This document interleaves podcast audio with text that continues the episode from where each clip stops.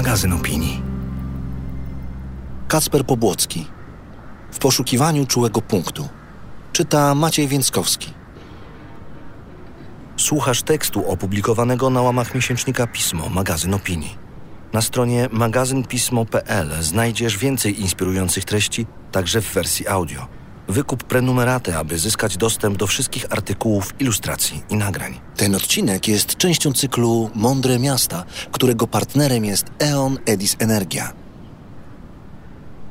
Myśl globalnie, działaj lokalnie. Powtarzają ludzie, którzy chcą zmieniać świat na lepsze. W ten sposób zostają wciągnięci w model aktywizmu, którego głównym zadaniem jest powstrzymanie jakiejkolwiek zmiany. Czy my jesteśmy na Wonerfie? Rzuciła z przekąsem Anka, gdy próbowaliśmy manewrować wózkiem z naszą córką pośród gęstego tłumu przechodniów między straganami, samochodami i motocyklami. Nie byliśmy w Amsterdamie, tylko w Stambule, więc nikt tej ulicy nie nazwałby tu Wonerfem. Tym holenderskim słowem rozpalającym wyobraźnię aktywistów miejskich opisuje się przestrzeń będącą połączeniem ulicy o uspokojonym ruchu, deptaka, publicznego placu i parkingu. O ile w mieście projektowanym zgodnie z dogmatami modernizmu funkcje użytkowe należało przestrzennie oddzielić, tutaj funkcja mieszkaniowa, tu handlowa, a tam transportowa, o tyle Wonerf jest wielofunkcyjny. Czasami nazywa się go żywą ulicą, bo życie jest wielowymiarowe. To banał, więc łatwo o tym zapomnieć. Ową wielowymiarowość widać w miastach, dla których modernizm to tylko ułamek historii. Tak jest w Stambule, w którym każda w zasadzie ulica, z wyjątkiem przelotówek, jest Wonerfem. Podobnie było w Tokio, w którym mieszkaliśmy parę lat wcześniej. Ruch samochodowy jest tam wygaszony do tego stopnia, że dopiero po trzech dniach pobytu zorientowałem się, że Japończycy jeżdżą po lewej stronie drogi. W dzielnicach mieszkalnych między jezdnią a chodnikiem nie ma krawężników. Czasami granice te wyznacza namalowana linia, ale nikt szczególnie nie zwraca na nią uwagi. Ulice są wąskie. Na wielu z nich obowiązuje limit prędkości do 30 km na godzinę. Samochody jeżdżą wolno, bo ich kierowcy muszą uważać na przechodniów, którzy swobodnie spacerują środkiem ulicy. Co łączy Stambuł z Tokio? Stara, wręcz starożytna miejskość. Czuć ją na każdym kroku. Dzielnice mieszkaniowe mają niską zabudowę, bardzo łatwo wyjść z domu. A jak wyjdziesz, to na lokalnym Wonerfie znajdziesz wszystko, co trzeba: sklepiki, restauracje, punkty usługowe. Nie trzeba przebijać się na drugą stronę miasta. Tokio funkcjonuje tak przyjaźnie, że jego mieszkańcy czują się w nim jak u siebie w domu. Dosłownie. W tej metropolii zamieszkiwanej przez 39 milionów osób, domy, zwłaszcza w centrum, są bardzo małe. Często brakuje miejsca na kuchnię czy nawet łazienkę. W sukurs przychodzi gęsta sieć publicznych łaźni. Wszędzie jest do nich blisko. Można wyskoczyć na chwilę i się umyć. Na każdym rogu znajduje się konbini, czyli mały sklep. Zastępuje kuchnię, bo nie tylko kupisz tam jedzenie, po co więc trzymać w domu lodówkę, ale możesz też usiąść sobie przy stoliku i podgrzać je w mikrofalówce. A potem umyć w sklepie ręce, czy zrobić sobie herbatę z termosu z wrzątkiem, który tam stoi. Całe miasto stało się przedłużeniem mieszkania, które skurczyło się do sypialni. Niewielu Tokijczyków zaprasza innych do domów, zwykle spotykają się na mieście. Choć w książkach obiecujących przepis na stworzenie miasta szczęśliwego przeczytamy częściej o Kopenhadze czy Amsterdamie, to właśnie w Tokio i Stambule wprowadzono i to dawno temu sen miejskich aktywistów. Tokio można uznać za pierwszą metropolię postsamochodową. W 2013 roku było tam zarejestrowanych 18 aut osobowych na 100 mieszkańców. Dla porównania w Londynie wskaźnik ten wynosił wówczas 30, w Sztokholmie i Wiedniu 39, a w Warszawie 56. Ten brak samochodów bardziej słychać niż widać. W Tokio jest szokująco cicho. W części dzielnic wprowadzono limit 45 dB. To mniej więcej poziom hałasu spotykany w bibliotece.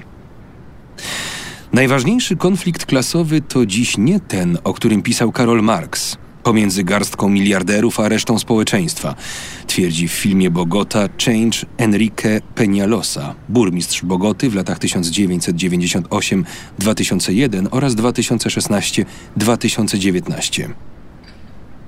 W krajach rozwijających się zachodzi obecnie między tymi, co mają samochody, a całą resztą.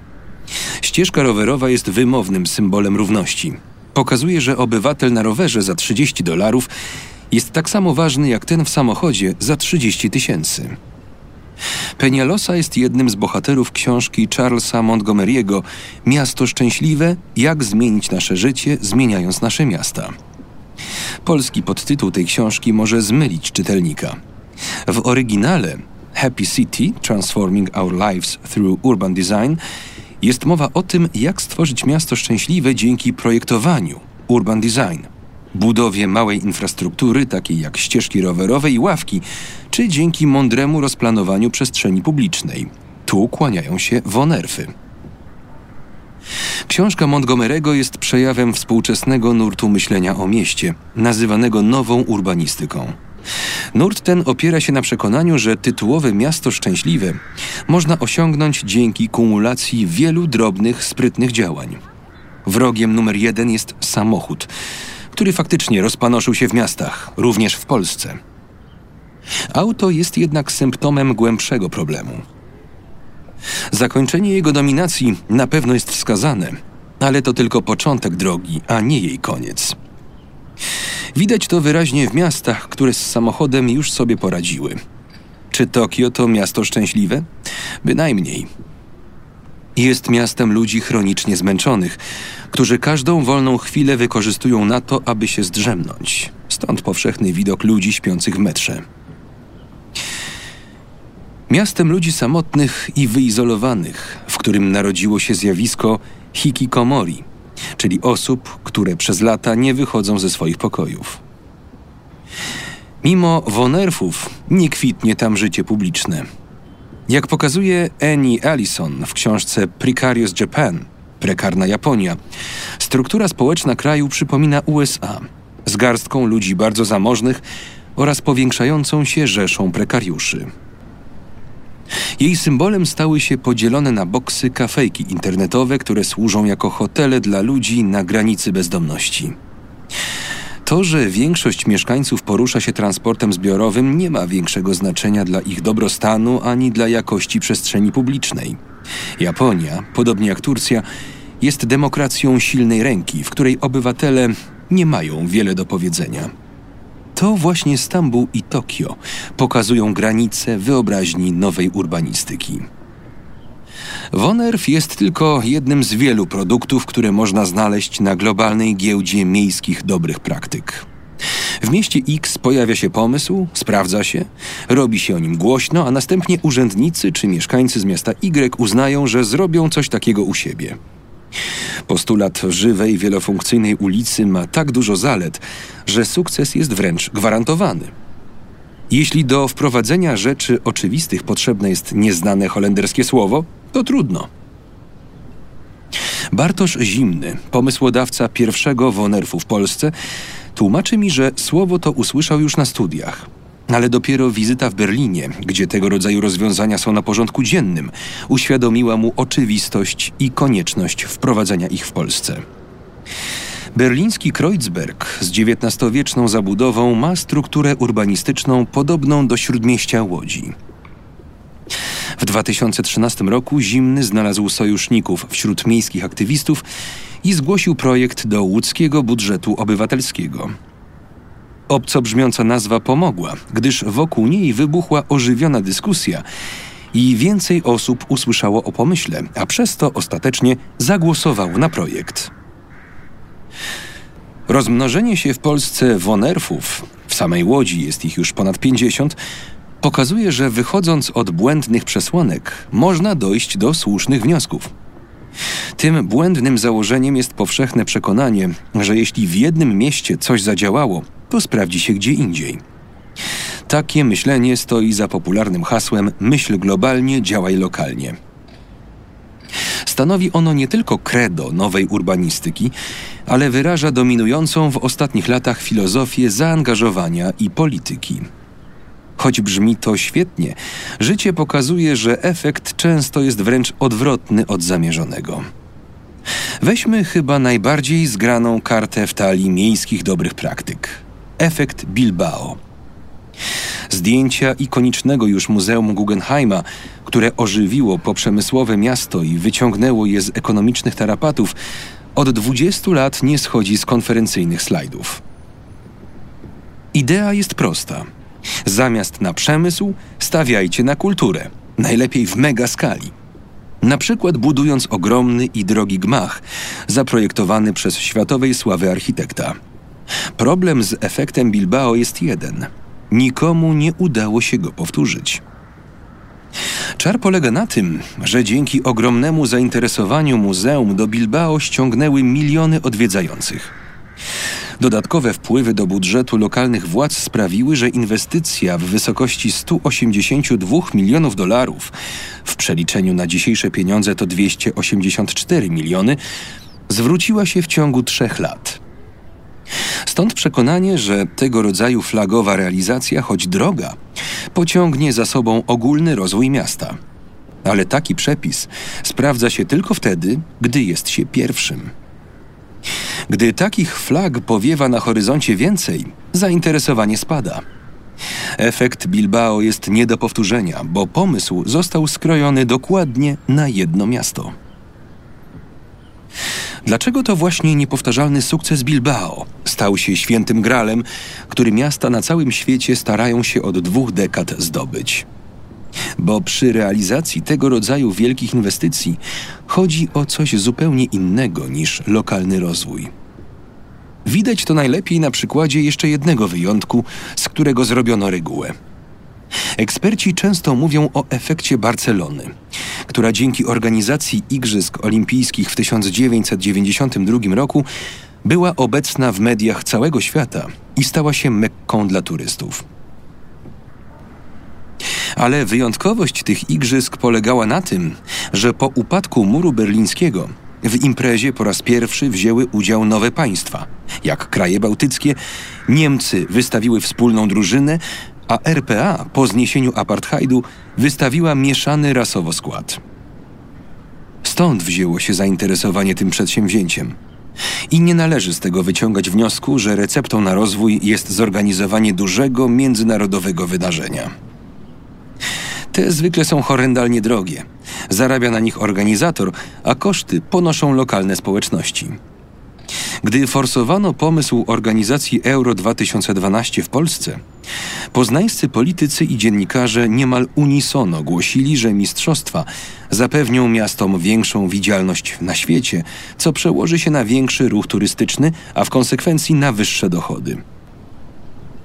Po 2012 roku liczba noclegów w poznańskich hotelach rzeczywiście wzrosła, ale głównie za sprawą turystów krajowych, a nie zagranicznych i wzrost ten nie miał nic wspólnego z Euro 2012.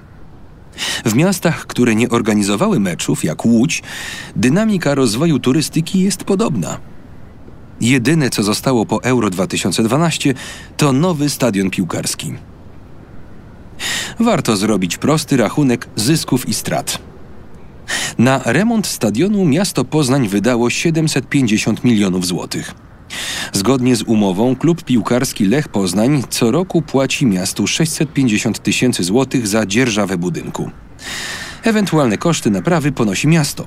Klub nie musi też dzielić się dochodami z biletów czy reklam.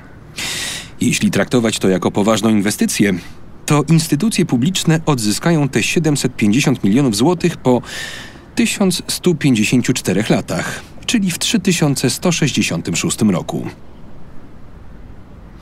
Na konferencji prasowej podsumowującej Euro 2012 w Poznaniu prezydent miasta taktownie nie wliczył kosztów remontu stadionu do wydatków i ogłosił, że Poznań na imprezie zarobił, bo zaoszczędził na reklamie w mediach 231 milionów złotych. Prezydent nie wspomniał też o tym, że remont stadionu miał początkowo kosztować i tak ogromną sumę 450 milionów złotych, Roczny budżet miasta wynosił wówczas prawie 3 miliardy złotych, A zwiększone koszty wynikały między innymi z tego, że podwykonawcy zmówili się i zawyżali ceny. O nieprawidłowościach przy remontach krążyły wówczas plotki. Na tej budowie skradli wszystko, co się dało wynieść. Mówił dziennikarzom poznańskiej wyborczej architekt budynku, który po publikacji wyparł się tych słów. Idea, że miasto zarabia na takiej imprezie, bo dostaje czas antenowy, na który musiałoby wydać pieniądze, to ekonomiczne hokus pokus. Bo nikt takich sum nie przelał na miejskie konto, a ruch turystyczny dzięki imprezie nie wzrósł. Na koncie organizatora mistrzostw, czyli UEFA, pojawiła się natomiast suma 1,39 miliarda euro czystego zysku. Gdyby UEFA dzieliła się tymi pieniędzmi, to być może zorganizowanie takich imprez miałoby dla lokalnych społeczności sens. Ale się nimi nie dzieli, bo nikt od niej tego nie wymaga. Dlatego mówienie o efekcie Bilbao czy efekcie Barcelony to ideologia, która legitymizuje uspołecznienie kosztów i prywatyzację zysków.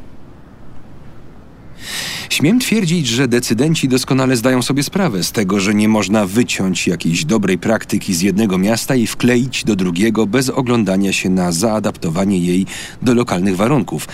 Ale dzięki temu mogą realizować politykę, która wygląda na prospołeczną i budzi nadzieję, a w rzeczywistości służy do zabezpieczenia ich interesów. Niech przykładem będzie praktyka, co do zasadności i skuteczności której trudno mieć zastrzeżenia. BRT zwany też metrobusem.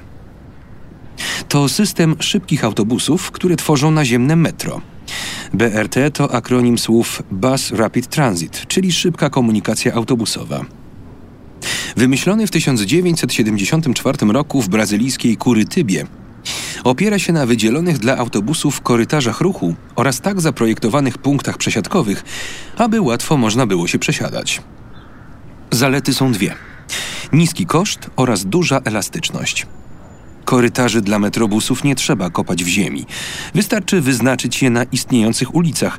W dowolnej chwili można też zmienić ich trasę czy strukturę. Nic dziwnego, że obecnie prawie 200 miast na świecie stosuje takie rozwiązanie. Od Los Angeles przez Lagos po Jakartę. Jest to chyba jedno z najpopularniejszych rozwiązań problemu dominacji samochodów w przestrzeni miejskiej. Ale istotne jest to, jak owo rozwiązanie infrastrukturalne łączy się z istniejącym organizmem miejskim. W Teheranie trasy metrobusa są ściśle związane z geografią protestów ulicznych, które wybuchły tam dekadę temu. Rewolucja z 2009 roku odbywała się, podobnie jak rewolucja z 1979 roku, na ulicach, które zostały przejęte przez protestujący tłum. W 1979 roku to Aleja Enkelab, ciągnąca się na linii wschód-zachód i będąca granicą między bogatą północą a biednym południem miasta, była główną areną protestów. 30 lat później protesty odbywały się na osi północ-południe. Do ich pacyfikacji wykorzystano nie tylko snajperów, Wedle rządowych danych zginęło wówczas 36 osób, według opozycyjnych dwa razy tyle, ale też bojówki, Basiji, uzbrojonych w pałki ochotników na motorach. Poruszali się w szyku i wjeżdżali w tłum, pałując protestujących. Aby uniemożliwić im działanie, Teherańczycy ograniczali ich mobilność. Komunikowali się przez komórki i skrzykiwali, aby gdzieś zrobić samochodowy korek, który blokował Basijim drogę. Choć Teherańczycy przeklinają samochody, bo ich miasto jest koszmarnie zakorkowane, to podczas protestów stały się ich główną bronią w walce z reżimowymi bojówkami.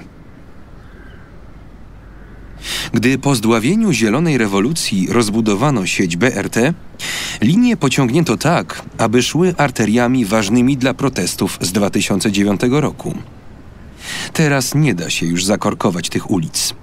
Każda z nich ma oddzielony barierką osobny pas, do którego dostępu zawsze strzeże drogówka. W spokojnych czasach korytarzami jeżdżą autobusy, a w nich średnio 2 miliony pasażerów dziennie.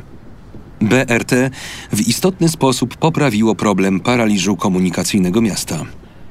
Trudno tego nie dostrzec, więc nie sposób krytykować metrobusy. ale władze upiekły dwie pieczenie na jednym ogniu. Jednocześnie zapobiegają powtórce z 2009 roku. O czym zresztą Teherańczykom przypomina się na co dzień. Niejednokrotnie można zobaczyć, jak pilnujący wstępu do korytarzy BRT policjanci rozchodzą się, a na pusty pas wjeżdża kawalkada basidzich na motorach, którzy błyskawicznie przemieszczają się w ten sposób po mieście, mijając stojących w korkach przeciętnych Teherańczyków po drugiej stronie barierek. Nie dotyczy to tylko rozwiązań infrastrukturalnych. Weźmy przykład nam bliższy. Budżety obywatelskie, zwane też partycypacyjnymi. Gdy w 2007 roku po raz pierwszy pisano o nich po polsku, był to pomysł marginalny, o którym nad Wisłą mówili głównie anarchiści. Wskazywali oni na brazylijskie Porto Alegre, gdzie powstała idea demokratycznego decydowania o tym, jak będą wydawane miejskie pieniądze. Dekadę później organizowanie BO zostało wpisane do ustawy o samorządzie gminnym jako obowiązek każdego miasta na prawie powiatu. Skąd popularność tego rozwiązania u polskich decydentów, którzy raczej nie należą do chętnie dzielących się władzą? Diabeł znów tkwi w szczegółach. W Porto Alegre to narzędzie pozwoliło zbudować zręby samorządności po latach dyktatury wojskowej i dało mieszkańcom możliwość realnego wpływu na kierunek obieranej polityki. Efektem było zwiększenie wydatków na służbę zdrowia, pojawienie się nowych szkół czy powiększenie zasięgu sieci wodociągowej. W Polsce z budżetu obywatelskiego najczęściej finansuje się takie rzeczy jak ławki w parku, siłownie dla seniorów czy pojemniki na psie kupy. Mała architektura oraz drobna infrastruktura sportowa to jedna trzecia zwycięskich projektów z sześciu największych miast z lat 2014-2017. Może kilka nowych drzewek, miejska zieleń to 18% zwycięskich projektów, może jakieś progi ograniczające prędkość, inwestycje drogowe to 16%, może pomalowanie elewacji szkoły lub remont szatni, kolejne 11%. Niewielka skala wynika z tego, że o ile w Porto Alegre mieszkańcy mogli decydować o tym, jak się wydaje od 17 do 23% całego budżetu miasta, o tyle w Polsce budżety obywatelskie dotyczą zwykle wydatków stanowiących jakieś 0,5% całego budżetu. To minimalny odsetek przewidziany we wspomnianej ustawie. Para, która idzie w ten gwizdek, jest natomiast ogromna. W Łodzi czy Warszawie w szczytowych momentach na projekty z budżetu obywatelskiego głosowały setki tysięcy osób. Badania dr Katarzyny Romańczyk z Centrum Europejskich Studiów Regionalnych i Lokalnych, Euroreg, Uniwersytetu Warszawskiego, skąd pochodzą powyższe dane, pokazują jeszcze jedną rzecz. Po momencie euforii uczestnictwo w BO zawsze spada. Duże zainteresowanie budżetami wynika z gorącej atmosfery politycznej w mieście. W Krakowie najwięcej głosów na projekty z BO padło w roku, w którym ruchy miejskie wywołały burzliwą dyskusję na temat sensowności organizowania Igrzysk Olimpijskich w Krakowie i ostatecznie zmusiły władze do wycofania się z tego pomysłu. W Warszawie rekord frekwencji padł w roku, w którym przeprowadzono referendum w sprawie odwołania prezydent miasta Hanny Gronkiewicz-Walc. Frekwencja zawsze spada, gdyż moim zdaniem budżety obywatelskie są w Polsce tak zaprojektowane, aby tłamsić, a nie wywoływać czy podtrzymywać aktywność mieszkańców. Działają jak system grantowy, który produkuje głównie rozczarowanych. Wygrywają zawsze nieliczni, większość odpada. Gdy składasz projekt po raz pierwszy, angażujesz się w jego stworzenie, rozpropagowanie, namawiasz innych do tego, aby na niego głosowali. Jeśli ci się nie uda, a nie udaje się większości, może złożysz coś w roku następnym, ale trzeci raz się zastanowisz, a za czwartym odpuścisz.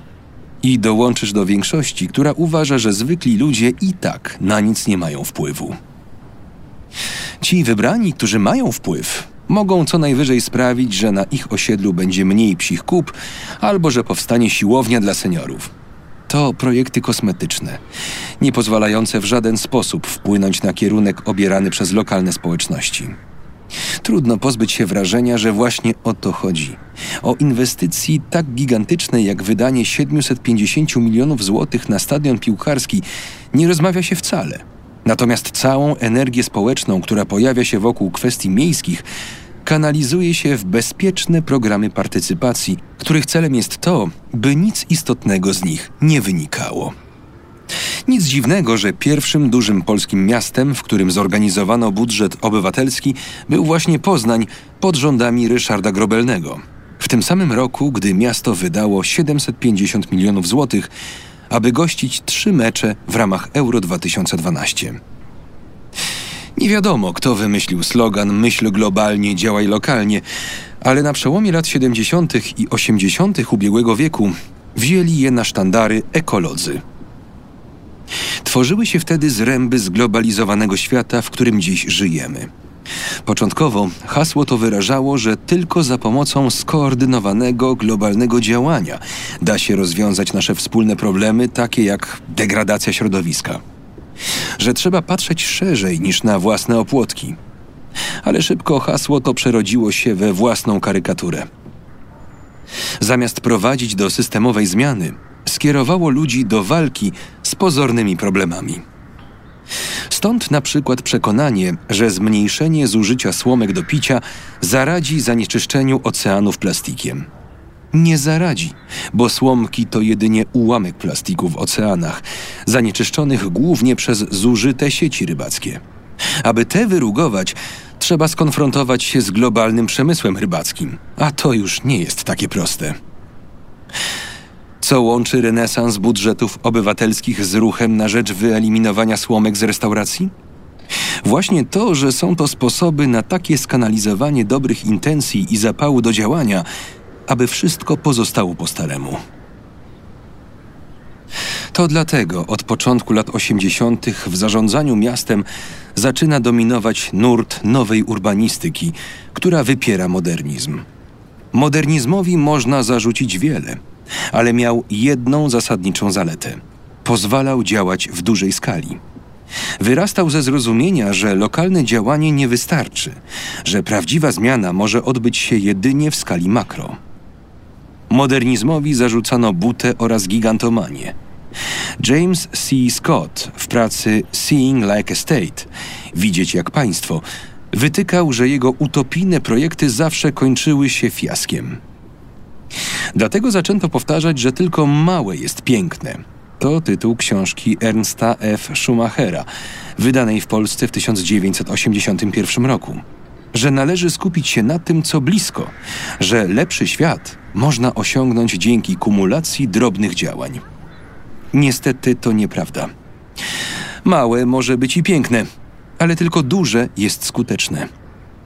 Wonerfy są może ładne i pożyteczne, ale to decyzja o wydaniu grubych milionów na wielkie inwestycje jak stadiony jest faktem, który przesądza o kierunku lokalnego rozwoju na dekady.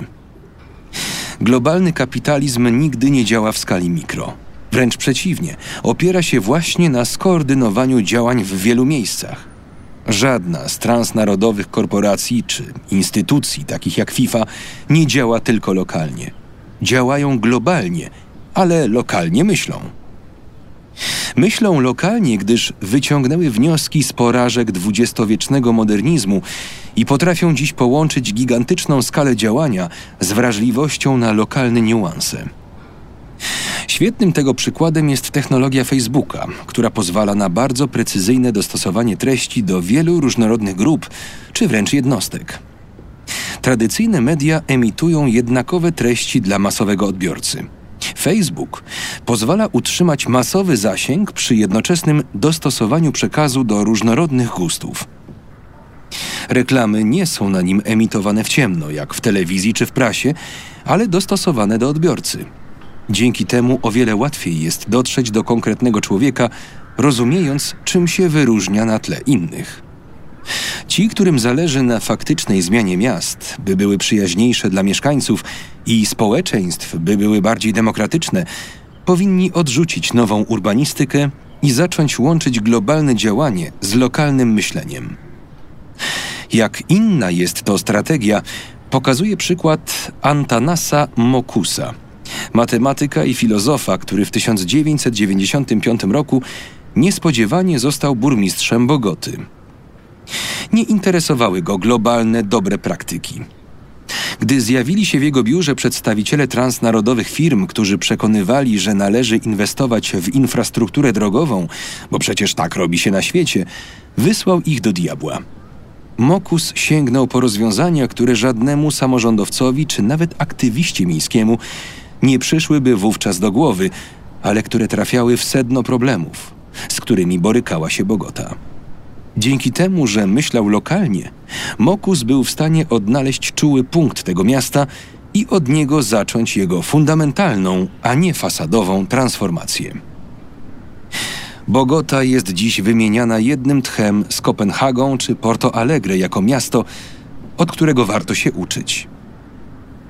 Ale nie chodzi o przeniesienie ich rozwiązań na własny grunt, tylko zrozumienie ogólnej strategii, której nie da się zaaplikować na zasadzie kopiuj wklej, bo ta jest zawsze skrojona na jedno miasto na świecie. Mokus wypuścił na ulicę kilkuset mimów, mających zastąpić policjantów drogówki, którzy stali wcześniej przy skrzyżowaniach czy przejściach dla pieszych. Zadaniem mimów było zwrócenie uwagi na łamanie przepisów.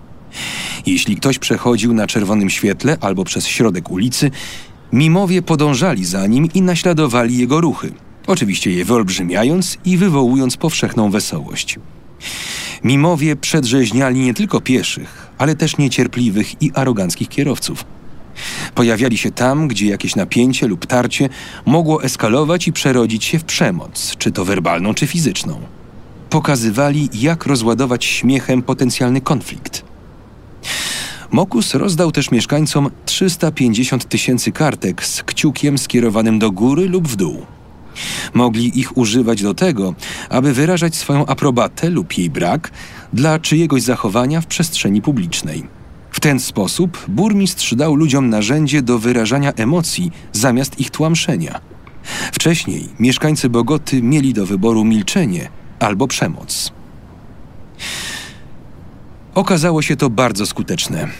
Do 2003 roku liczba zabójstw w mieście spadła czterokrotnie.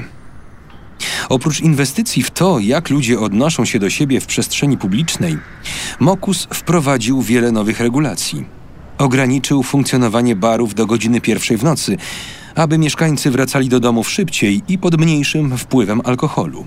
To też zredukowało przemoc. Ale prawdziwym sekretem jego rządów było zrozumienie, że miejskich problemów nie da się rozwiązać jedynie miejskimi metodami. Że przemoc w przestrzeni publicznej rodzi się gdzie indziej, w rodzinach, i że dopiero potem wylewa się z domów na ulicę. Dlatego był jednym z pierwszych, który publicznie piętnował używanie kar fizycznych wobec dzieci. Otworzył telefon zaufania, na którym mogły dzwonić ofiary przemocy domowej. Rozumiał też, że ludzie czują się bezpieczniej w przestrzeni publicznej, w której jest więcej kobiet. Starał się więc przeciwdziałać tradycyjnemu modelowi rodziny, który zamykał kobiety w czterech ścianach. Organizował m.in. Noce Kobiet, kiedy to mężczyźni mieli zostać w domach i opiekować się dziećmi, a miasto oferowało ich żonom i partnerkom wiele wydarzeń w przestrzeni publicznej, na przykład darmowe koncerty. Na tego rodzaju wydarzenia potrafiło przyjść jednorazowo nawet 700 tysięcy osób. Mokus zrobił to wszystko w ciągu trzech lat. Nie mógł ubiegać się o reelekcję, gdyż zabrania tego kolumbijskie prawo – Dlatego wszedł w porozumienie z jednym ze swoich wcześniejszych konkurentów, Enrique Peñalosą, któremu udzielił poparcia w zamian za obietnicę kontynuowania jego polityki. Przez kolejne trzy lata Peñalosa utrwalił rewolucję Mokusa, zapisując ją w przestrzeni. Ze względu na zapaść finansową miasta, jego poprzednik w zasadzie nie miał pieniędzy na inwestycje. Musiał działać tanio, więc działał niekonwencjonalnie. Choć pod jego rządami Bogota przeszła radykalną zmianę, pod względem materialnym miasto w ogóle się nie zmieniło. Mokus zmienił jego mieszkańców. Penialosa działał już w innych warunkach i mógł przekuć nową filozofię w konkret. Rozpoczął program inwestycji publicznych, budowy szkół i bibliotek, ścieżek rowerowych i jednego z pierwszych na świecie systemów BRT.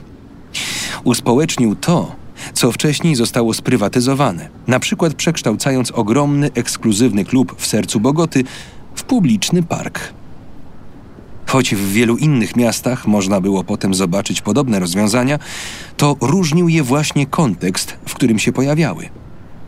Wszystko było częścią bardzo spójnego planu, który wyrastał z rozpoznania tego, co stanowiło najważniejszy problem miasta. Dlatego, choć Penialosa wsławił się swoją krucjatą przeciwko samochodom, nie można zapominać, że była ona częścią szerszego projektu eliminacji przemocy z życia codziennego, którą rozpoczął jego poprzednik. Mokus rozumiał, że wiele procesów, które kształtują życie w mieście, nie ma miejskiego charakteru. Innymi słowy, można na przykład walczyć z przemocą na drogach za pomocą inwestycji w infrastrukturę, ale to tylko ograniczy problem, ale go nie wyeliminuje. W Polsce udało się to dokładnie w jednym mieście Jaworznie, w którym liczba śmiertelnych wypadków drogowych spadła do zera. Kiedyś rocznie ginęło pod kołami kilkanaście osób. Zrobiono to wyłącznie za pomocą przebudowy infrastruktury wyciszania ruchu, ograniczenia wjazdu samochodów do centrum, zwężania ulic i innych wonerfo-podobnych rozwiązań.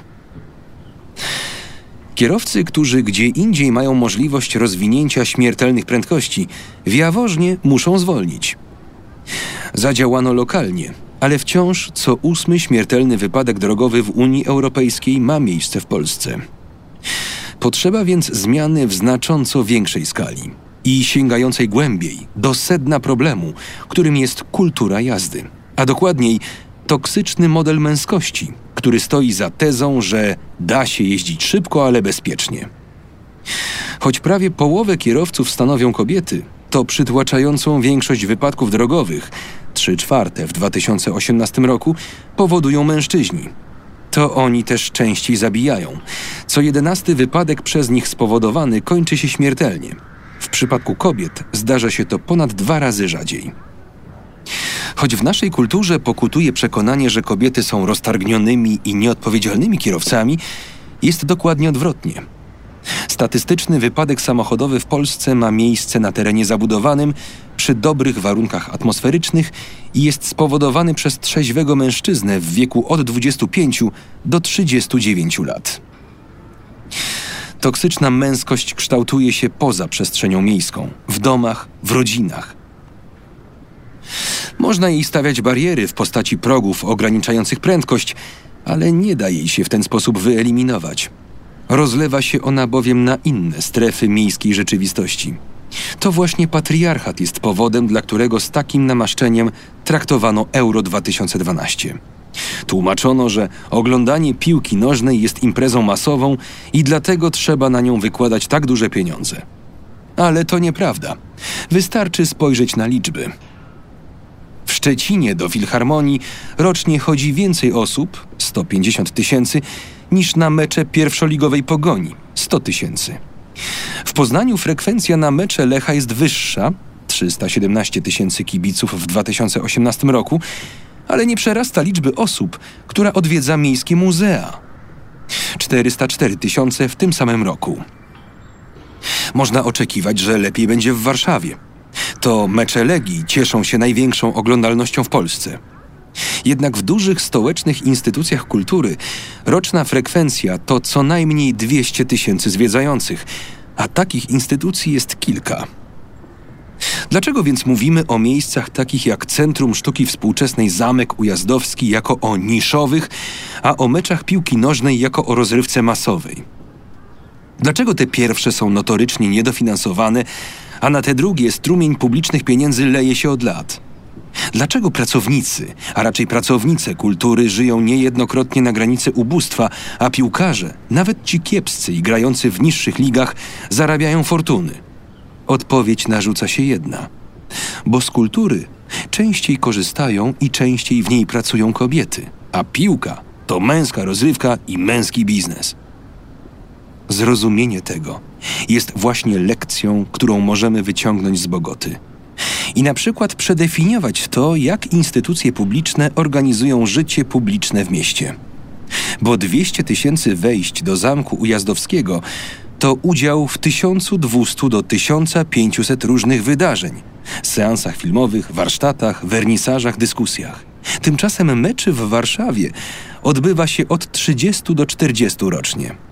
Uczestnictwo w wydarzeniach kulturalnych jest też bardziej interaktywne niż kibicowanie, co oznacza również inną filozofię myślenia o tym, jak powinien wyglądać model uczestnictwa w życiu publicznym miasta. Dlatego ostatnim wnioskiem, jaki należy wyciągnąć z doświadczeń Bogoty, jest pomysł, aby zastąpić policjantów mimami.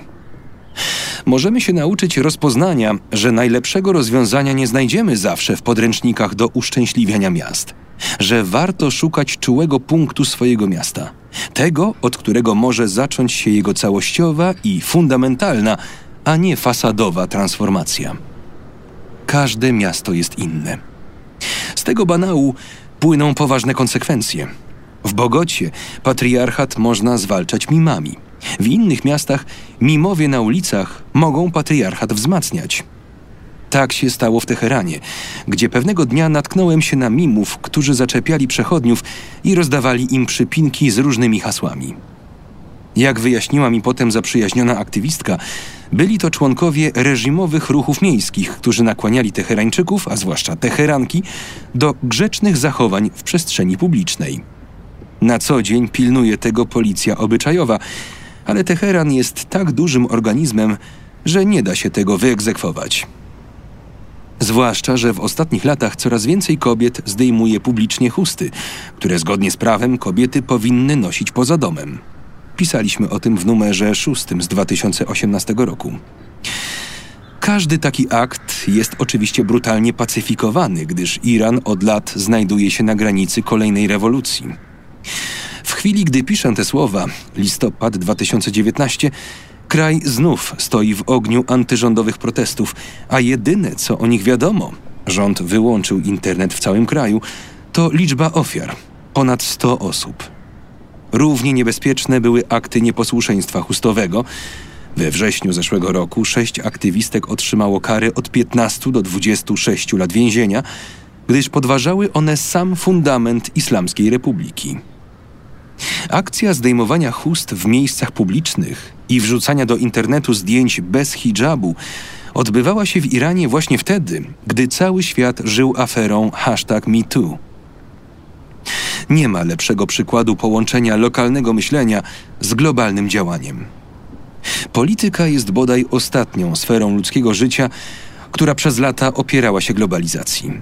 Żyjemy w świecie, w którym zglobalizowana jest kultura. Nie oglądamy już jednego programu telewizji, ale seriale na Netflixie, czy gospodarka. Przedmioty, które otaczają nas w domach, pochodzą z wielu zakątków świata. Ale życie polityczne wciąż zamyka się w ścianach państwa narodowego. To narodowe parlamenty i narodowe rządy są nadal jego najważniejszymi instytucjami. Idea faktycznego działania w skali światowej, na przykład przez globalny rząd, to wciąż science fiction. Wydarzeniem, które można uznać za pierwiosnek wyłonienia się globalnej opinii publicznej, były protesty przeciwko inwazji na Irak 15 lutego 2003 roku. Tego samego dnia dziesiątki milionów osób w kilkuset miastach na całym świecie wyszły na ulice, by wyrazić swoje zdanie w jednej sprawie. Wcześniej oczywiście dochodziło do synchronizacji wydarzeń politycznych w różnych zakątkach świata, ale na przykład wydarzenia 1968 roku w Stanach Zjednoczonych, protesty Afroamerykanów, we Francji, demonstracje studentów, Czechosłowacji, sowieckie czołgi czy w Polsce antysemicka nagonka rządziły się odmienną logiką i dotyczyły innych spraw. Życie publiczne w każdym z tych krajów toczyło się osobno. Choć obserwowaliśmy to, co się toczyło gdzie indziej, działać mogliśmy głównie lokalnie. Protesty przeciwko opieszałości decydentów w sprawie kryzysu klimatycznego z 2019 roku już mają globalny charakter. Jesteśmy w stanie mobilizować dziś setki milionów osób wokół jednej sprawy. Tak było 2 września 2016 roku, gdy od 150 do 180 milionów Hindusów wzięło udział w strajku generalnym, największym w historii ludzkości. Dlatego jesteśmy coraz bliżej możliwości faktycznego działania w skali planetarnej. Cicha rewolucja, która się w tej kwestii odbyła przez ostatnie lata, przypomina rewolucję Mokusa w tym sensie, że nie została przekuta w żadne trwałe instytucje. Na pierwszy rzut oka wszystko wygląda po staremu, tak jak Bogota pod jego rządami nie przeszła żadnej transformacji w sensie materialnym. Dlatego czekamy teraz na międzynarodowego odpowiednika Penialosy, który tej niewidzialnej rewolucji nada jakieś konkretne ramy. Nie będzie to ścieżka rowerowa czy pojemnik na psie kupy, ale coś w rodzaju globalnego rządu. Bo tylko tak odważny krok jest adekwatną odpowiedzią na skalę wyzwań, które przed nami stoją. Mimo, że dziś może wydawać się tak szalony, jak idea transformacji upadającego miasta przy pomocy mimów. Esej ukazał się w 25. numerze miesięcznika Pismo, magazyn opinii. Czytał Maciej Więckowski.